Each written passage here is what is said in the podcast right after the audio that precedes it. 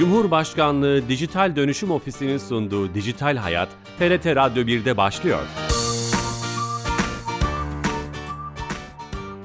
Herkese merhaba, ben Bilal Eren. Teknoloji ve dijitalleşmenin hayatlarımıza etkilerini ele aldığımız Dijital Hayat programımıza olduğunu hoş geldiniz. Programımıza hoş geldiniz. Her cuma olduğu gibi TRT Radyo mikrofonlarından kulaklarınıza misafir olmaya devam ediyoruz. Bu hafta bilgi ve iletişim teknolojilerinin gelişimine paralel şekilde yükselen bir iş modeli olan kitlesel fonlamanın en önemli türü olarak sayılan para paya dayalı kitlesel fonlamayı konuşacağız. Çok önemli bir konuğumuz var. Fon bulucu kurucusu Hakan Yıldız telefonla programımıza canlı yayınımıza katılacak. Ama öncesinde her hafta olduğu gibi kamunun tüm hizmetlerini dijitalleştirerek bizlere sunan Dijital Türkiye ekibinden Ayşe Torun'la beraber olacağız. Ayşe Torun telefon attığımızda. Ayşe Hanım. Bilal Bey iyi yayınlar. Hoş geldiniz efendim. Söz sizde. Teşekkür ediyoruz. Ee, Bilal Bey bu hafta sizlere e, daha önce Emniyet Genel Müdürlüğü tarafından çalışılmış bir hizmetin yeni versiyonundan bahsedeceğiz. Ee, biliyorsunuz e, trafik kazalarında kolluk kuvveti olarak Emniyet Genel Müdürlüğü ve Jandarma Genel Komutanlığı e, bu kazalardan sorumlu olarak görev yapıyor. Biz bu sene Ocak ayı itibariyle Ocak 1 itibariyle trafik bölgesinde polis bölgesinde yapılmış kazalarla ilgili bir maddi hasarlı trafik kazası tespit tutanağı hizmeti sunmuştuk. Ama malum ülkemizin e, büyük bir kısmı da jandarma bölgesinde aynı hizmeti veriyor. Bu hafta itibariyle jandarma bölgesinde yapılan trafik kazaları içinde artık kişiler bu tutanaklarını elektronik imzalı olarak E-Devlet kapısından temin edebilecekler. Harika. Tüm ülkeyi kapsamış oldu bir anlamda bu hizmet. Aynen öyle oldu. Emniyet bölgesini Ocak ayında açmıştık. Artık şehirler arası yollarda, jandarma bölgesinde yapılan kazalarda bu işe dahil oldu. Onların tutanaklarını da kişiler E-Devlet kapısından indirebilecekler. Harika. Türk Türkiye Gov.tr tüm hızıyla çalışıyor. Ellerinize sağlık. Teşekkür ediyoruz. İyi yayınlar diliyorum. Sağ olun. Teşekkürler. Dijital Türkiye ekibinden Ayşe Torun'dan yepyeni bir özel dinledik. Yeni katılan dinleyicilerimiz için tekrar etmekte fayda var. Fon bulucu kurucusu Hakan Yıldız telefon attığımızda. Hakan Bey. Merhabalar Bilal Bey. Hoş geldiniz yayınımıza. Hoş buldum. Çok teşekkür ederim. Sağ olun. Çok e, e, teşekkürler. Şeref verdiniz. E, bu kitlesel fonlama konusunda bir program yapmıştık geçmiş yıllarda ama bu e, en önemli türlerinden en azından ülkemiz için en önemli e, türlerinden biri olan paya dayalı kitlesel fonlamayı sizinle konuşmak istedik. Kitlesel fonlama nedir hiç bilmeyenler için oradan başlayalım mı? Bilal Bey, kitlesel fonlama aslında bir fikir, iş modeli, girişim, şirket gibi e, çoklu ortaklık yapılarının kurgulanabileceği yapıların küçük küçük miktarlarda halk tarafından, VC'ler tarafından, e, şirketler tarafından aslında ortak bir yatırım kültürüyle e, finansmana erişimi, fonlanması demek. Hı hı hı. Ha, evet bu, gayet aslında belki de geçmişte de olan bir şey ama bilgi ve iletişim teknolojilerinin gelişmesiyle bunun demokratikleşmesi, şeffaflaşması, herkese ulaşmasının önünün açıldı diye düşünüyorum. Ee, siz ne dersiniz? Kesinlikle öyle. İnternetin tabii ki yaygınlaşmasıyla 1960'lı yıllarda başlayan bir kültürün e, dijital e, dünyaya ayak uydurarak aslında e, sistemin çoklu ortaklık yapılarına ulaşması çok kolaylaştı. Çok e, güvenli ve aslında hızlı bir sistemle siz e, cep telefonunuzu kullanarak e, istediğiniz şirkete ortak olabiliyorsunuz. Aslında 2000 e, böyle yıl geriden bakarsak olaya bizim Anadolu'dan imece kültürünü de hı hı. E, bu sistemin e, belki de e, babası olarak nitelendirebiliriz. Harika çok uzak değiliz bu kültüre o anlamda. E, dört türü var sanırım siz e, ülkemizde en e, yükselen e, paya dayalı kitlesel fonlama ile ilgili bir iş modeliniz var. Nedir paya dayalı kitlesel fonlama? Dediğiniz gibi dört tane aslında e, şu anda dünyada uygulanan sistem var ama e, bunların içerisinde tabii ki girişimciliğin geliştirilmesini sağlayacak ana e, konu paya dayalı kitle fonlaması veya equity kitle crowdfunding dediğimiz konu. E, tabii paya dayalı kitle fonlaması adı üstünde e, çoklu ortaklı yapıların kurulması için hisselerin girişimcilerin e, sunduğu arzlarla e, yatırımcılar tarafından satın alınması diyebiliriz özetle. E, ülkemizde de 2017 yılında aslında yasallaştı. Dünyada da 8. ülke olarak aslında regülasyonumuza kitle fonlamasını e, koyduk. Bu da büyük e, bence e, gelişime e, açık olduğumuzu da gösteriyor. E, dünyada da 10 ülke şu anda 11-12 oluyor gitgide gelişiyor.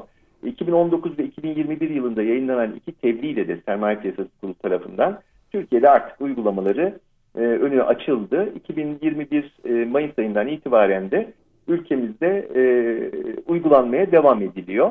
Biz de onlardan biriyiz, bir platformuz ve çok güzel sonuçlara ulaştık bir yıl içerisinde. Belki birazdan evet. rakamlarla da bahsederiz. Evet, onu soracağım. Şu çok önemli. Hukuki altyapısı olması hem girişimci hem e, girişimlere hissedar olmak isteyen, yatırım yapmak isteyen insanlar için bir güvence oluşturuyor.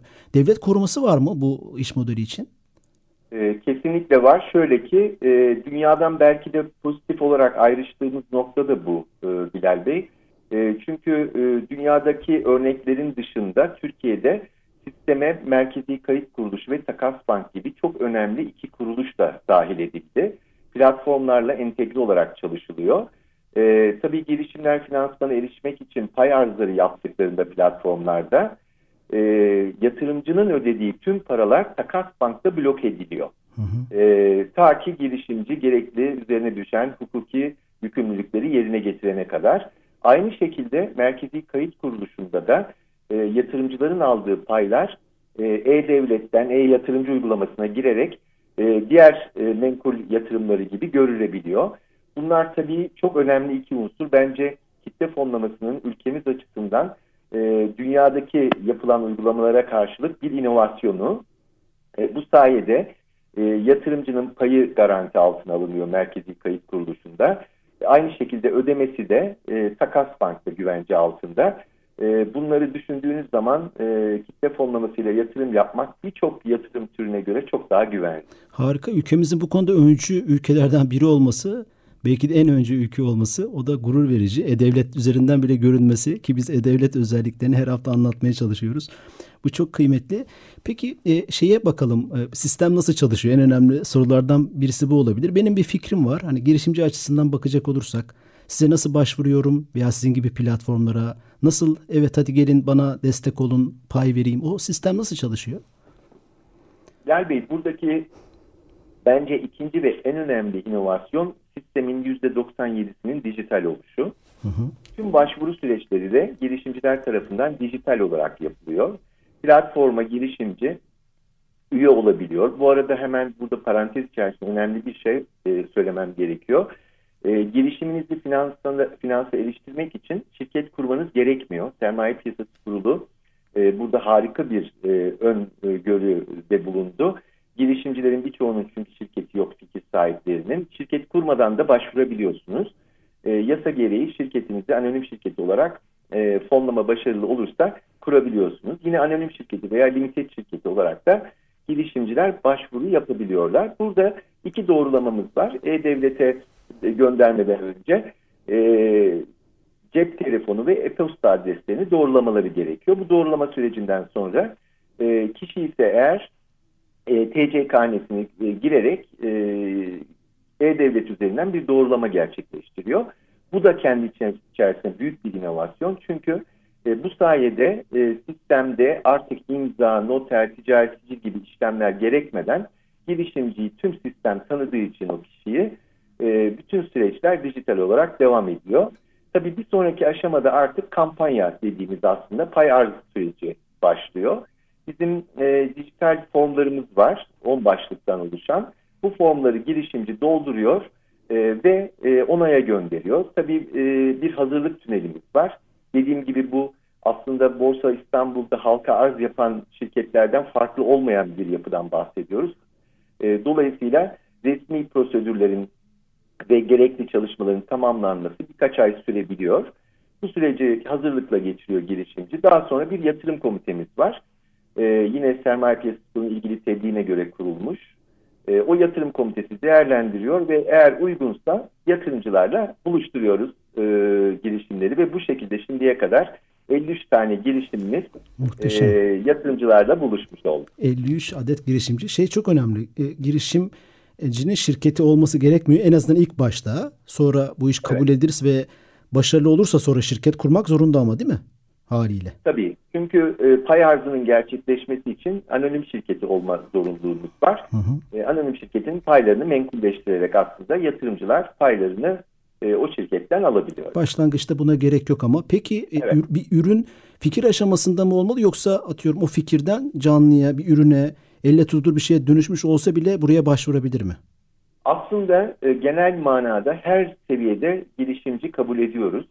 E, ama burada tabii bir yatırım söz konusu olduğu için e, yatırıma uygun olması esas e, haliyle e, girişimcinin e, geldiği nokta yatırımcıyı ikna edebilecek noktada olması gerekiyor. Fakat burada bir de sınırımız var. Onu da belirtmekte fayda var. E, sermaye piyasası kurulu bu tebliği girişimciler için çıkardı ama üretim ve teknoloji faaliyetinde olan girişimler şu anda istifade edebiliyor. Hizmet ve ticaret girişimleri şu an için kapsam dışı. Onu da belirtmek. Bunu soracaktım. Hangi sektörler? Üretim ve teknoloji. Ee... Aslında üretim ve veya teknoloji diyebiliriz. Çünkü bazen hem teknoloji hem üretim bir arada olabiliyor. Hem e, teknoloji tek başına olabiliyor. Üretim tek başına olabiliyor. Dolayısıyla bunu yatırım komitesi ilgili mevzuat ve değerlendirme politikamıza göre e, karar veriyor. Harika. Bir, bir limit var mı? Benim ben bu iş için 2 milyon istiyorum, 3 milyon istiyorum hani maddi anlamda. Herhangi bir alt limit olmamakla birlikte yine mevzuattan gelen bir üst limit var. Bir girişimci bir yıl içerisinde en fazla 20 milyon liralık bir fonlamaya çıkabiliyor ve iki kampanya yapabiliyor. Bu 20 milyon üst sınırının içerisinde. E, o yüzden e, biz girişimcileri de yönlendiriyoruz aslında. Önce küçük bir e, yatırım turu yap. E, bu sayede gelişimi gör. Daha sonra daha büyükleri için gel diye yönlendirmeler de yapıyoruz. Muhteşem. Ee, e, yeni katılanlar için tekrar etmekte fayda görüyorum. E, paya dayalı kitlesel fonlamayı konuşuyoruz. Fonbulucu.com kurucusu Hakan Yıldız platformun kurucusu ve sahibi. E, e, girişimci açısından aslında e, konuşmuş olduk. O hazırlık sürecini, kabul sürecini siz yönetiyorsunuz yetkili kurumlarla ve sonra eğer başarılı olursa anonim şirket kurmak ve o resmi işlemlerin başlaması öngörülüyor. Sonraki süreçleri de mi siz yönetiyorsunuz? Örneğin işte bu yatırımın e, e, gözetlenmesi veya izlenmesi konusunda başarılı olup olmadığı, payların dağıtılıp dağıtılmadığı gibi aşamalar. Tabii ki. Şöyle aslında bu söylediğim tabii ki sürecin e, sadece yüzde otuzu diyebiliriz.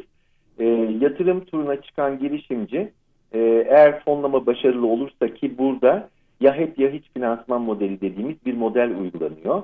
E, e, bir fon kullanım raporu veriyor Bilal Bey. Hı hı. Şimdi ben şu kadar tutarı şu tarihlerde şu amaçta kullanacağım şeklinde bunu yatırımcı da görüyor.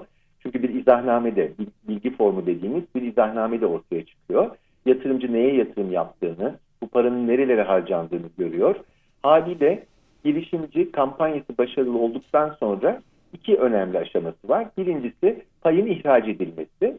Bu süreçte de biz gerekli destekleri, yardımları sağlıyoruz girişimciye. E, bu pay ihracı gerçekleştirdikten sonra e, girişimci tüm yükümlülüklerini yasal olarak yerine getirince Takas Bank tarafından bu para şirketinin hesabına aktarılıyor. Ama ondan sonra biraz önce söylediğim fon kullanım raporunun denetlenmesi süreci var. Bu da yine sermaye piyasası kurulunun ilgili tebliğine göre özel amaçlı bağımsız denetim raporlarıyla bu e, harcamaları denetliyoruz biz ve kamuoyuna açıklıyoruz belli sürelerde. Yine tebliğden gelen 5 yıllık bir bilgiyi kamuya paylaşma zorunluluğu var girişimciler için. Kampanya sayfası 5 yıl açık durmak zorunda.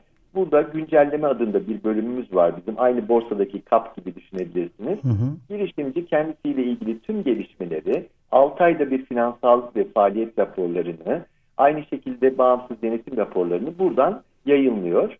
Ee, böylelikle yatırımcısı da sürekli bilgi sahibi oluyor. Ee, şu anda çok güzel de örneklerini görüyor. Fonbulucu.com yani sizler aslında 5 yıl bu işin içinde olmuş oluyorsunuz bir anlamda. O Kesinlikle öyle ama. Bütün aşamalarda. Biraz, evet dediğiniz gibi tüm aşamalarda destek ve e, yanlarında oluyoruz. Bir e, birçok konuda danışmanlığı ücretsiz olarak veriyoruz girişimcilere. E, ama burada e, bir ikinci nokta daha var. O da şu, biz aynı zamanda da yatırımcı bir kuruluşuz. Her ne kadar platform işletsek de e, girişim sermayesi yatırım fonlarımız var. Melek yatırımcı ağımız var. Onlarla da aslında bu girişimlere biz de yatırım yapıyoruz halkımızla beraber. E, haliyle bu takip süresi her ne kadar platformda 5 yıl olsa da ortaklık sürecimiz devam ettiği sürece girişimlerde onlarla beraber. O da çok önemli. E, 53 e, proje başarılı oldu dediniz. Bir, birkaç tane sektör veya proje ismi alabilir miyiz? Hani E, eğer bu konuda bir gizlilik vesaire yoksa Yok, ilham olması açısından. Bunların aslında tam tersi güzel bir noktaya değindiniz. Bizde hiçbir şey gizli değil Bülent Bey. Çünkü her şey kamuya açıklanmak zorunda. Belki de şu anda Türkiye'de en şeffaf yatırımcı sistemi bu desek e, çok fazla bir, e, çok abartmış olmayız. Şu ana kadar ben size birkaç böyle ilginç rakamlar da vereyim. Lütfen. Bir yıl içerisinde e, platformumuza 1 milyar 800 milyon civarında neredeyse 2 milyarlık bir fonlama talebi geldi. E, bunu 2883 hatta 2900 diyebiliriz. 2900 girişimci tarafından yapıldı bu talep. Şu ana kadar e, sistemde 30 bine yakın yatırımcı kayıtlı. E, bunların da en az 15.926'sı yani 16 bini en az bir kere yatırım yapmış durumda. Ve 135 milyona yakın bir fonu şu ana kadar topladık. E, 28 tane farklı e, sektör listelenmiş durumda bizde. E, gelen e, girişimlerin neredeyse e, tamamı bu farklı sektörlerden. E, gıdadan tutun e, teknolojik e, ürünlere kadar, tarımdan tutun e, e-ticarete kadar. Aklınıza gelebilecek aslında e, çok ilginç e, ürünler de var. Mesela Bike isimli bir girişimimiz vardı. 85 dakikada 2.7 milyon liralık bir fonlamaya ulaştı. E, kendisi elektrik, bisikletleri elektrikli bisiklete çeviren bir girişimdi. Oyun girişimleri var, sağlık girişimleri var. Aklınıza gelebilecek aslında her türlü girişim var. Fonbulucu.com'a girdikleri zaman e, e, meraklılar orada bütün bilgilerine girişimlerin e, sahip olabiliyorlar. E, gerçekten ülkemiz için girişimcilik ekosistemi, istihdam ve üretim için e, iyi bir sistem oldu ve şu anda uçlamayacak, güvenli ve kolay şekilde çalışıyor. Harika. Ben sosyal medya paylaşımlarınızdan tarımla ilgili projeleri de desteklediğinizi gördüm. Heyecanlı bir şekilde bahçelerden e, fotoğraflar da gördüm. Demek ki o konularda evet. da büyük bir ilgi var. E, bu tip paya dayalı kitlesel Hatta ilginin, ilginin en yüksek olduğu nokta desek yalan söylemiş olmayız.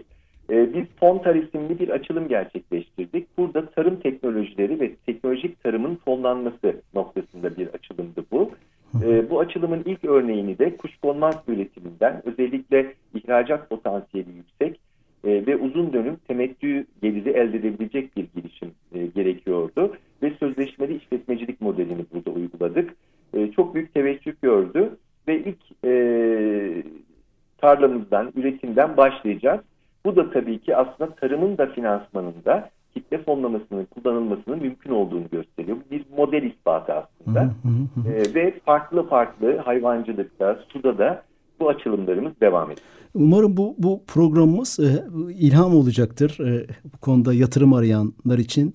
E, bir fikrim var ama e, ma, finansmana erişemiyorum diyenler için. Peki son iki dakikada yatırımcı açısından sistem anlattınız ama yatırımcı açısından da aynı aşamalar mı geçerli? Kesinlikle. Yatırımcı için çok kolay aslında. İki dakikada yatırımcı olabiliyorsunuz Bülent Bey sistemde.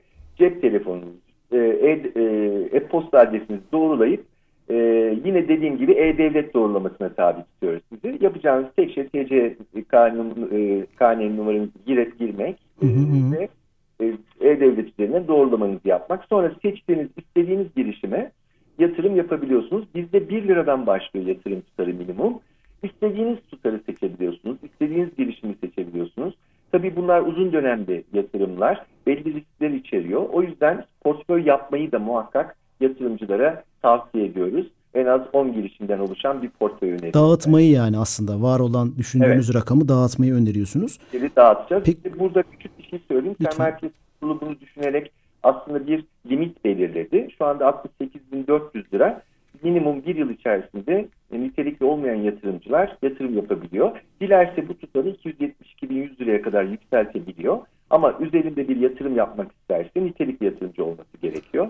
Haliyle aslında küçük yatırımcıyı da koruyan bir e, mevzuatımız olmuş oldu. Yani 272 bin liraya kadar mı yatırım yapılıyor eğer? Bir yıl içerisinde. Bir yıl içinde yatırımcı değilseniz, kurumsal yatırımcı değilseniz 272 bin liraya kadar tüm platformlar nezdinde yatırım yapabiliyorsunuz. Bu limitleri de Merkezi Kayıt Kuruluşu takip ediyor. Hı hı. O zaman şöyle anlıyoruz. Bireysel e, yatırımcı, kurumsal yatırımcı diye ikiye ayrılıyor yatırım yapma. Aslında üç de diyebilirsiniz. Bireysel yatırımcı, nitelikli bireysel yatırımcı ve kurumsal yatırımcı şeklinde ayrılabilir. buradan duyurmuş olurum olalım. Özellikle bu konuda e, yatırım yapmayı düşünen veya şimdi karar veren dinleyicilerimiz için. Platform olarak e, son bir dakikada e, sizin burada yatırımlarınız dışında e, bu hizmeti sağlarken aldığınız ücretler neler? Biz aslında burada neredeyse başarılı olmadıkça fonlama herhangi bir ücret almıyoruz.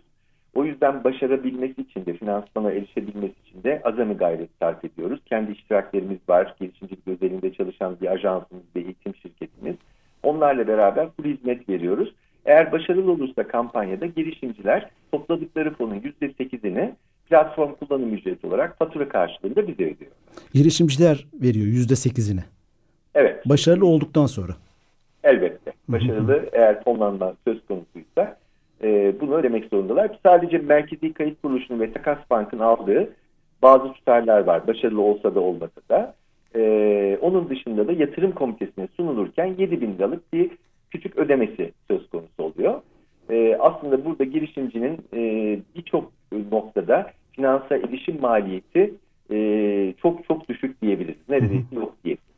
Bilgiler çok önemli. Daha çok muhtemelen soru var ama genel taslak olarak, kapsam olarak e, platformu ve bu iş modelini anlamış olduk. E, şeref verdiniz, ağzınıza sağlık. Ben teşekkür ederim. E, umarım ülkemizde istihdamın ve üretimin artırıldığı bir girişimcilik ekosistemini hep beraber kurabiliriz. Ben herkesi bu sisteme destek vermeye çağırıyorum. Çok teşekkür ederim davetiniz. Çok teşekkür ederiz. Şeref verdiniz. E, fonbulucu.com kurucusu Hakan Yıldız'la e, paya dayalı kitlesel fonlama iş modelini konuştuk. E, bu programımızın kaydı yarına itibaren e, tüm platformlarda bulunabilir. E, dinlemek isteyenler, kaçıranlar için e, haftaya yeni bir konu ve konukla beraber olacağız. E, şimdiden iyi hafta sonları, hoşçakalın.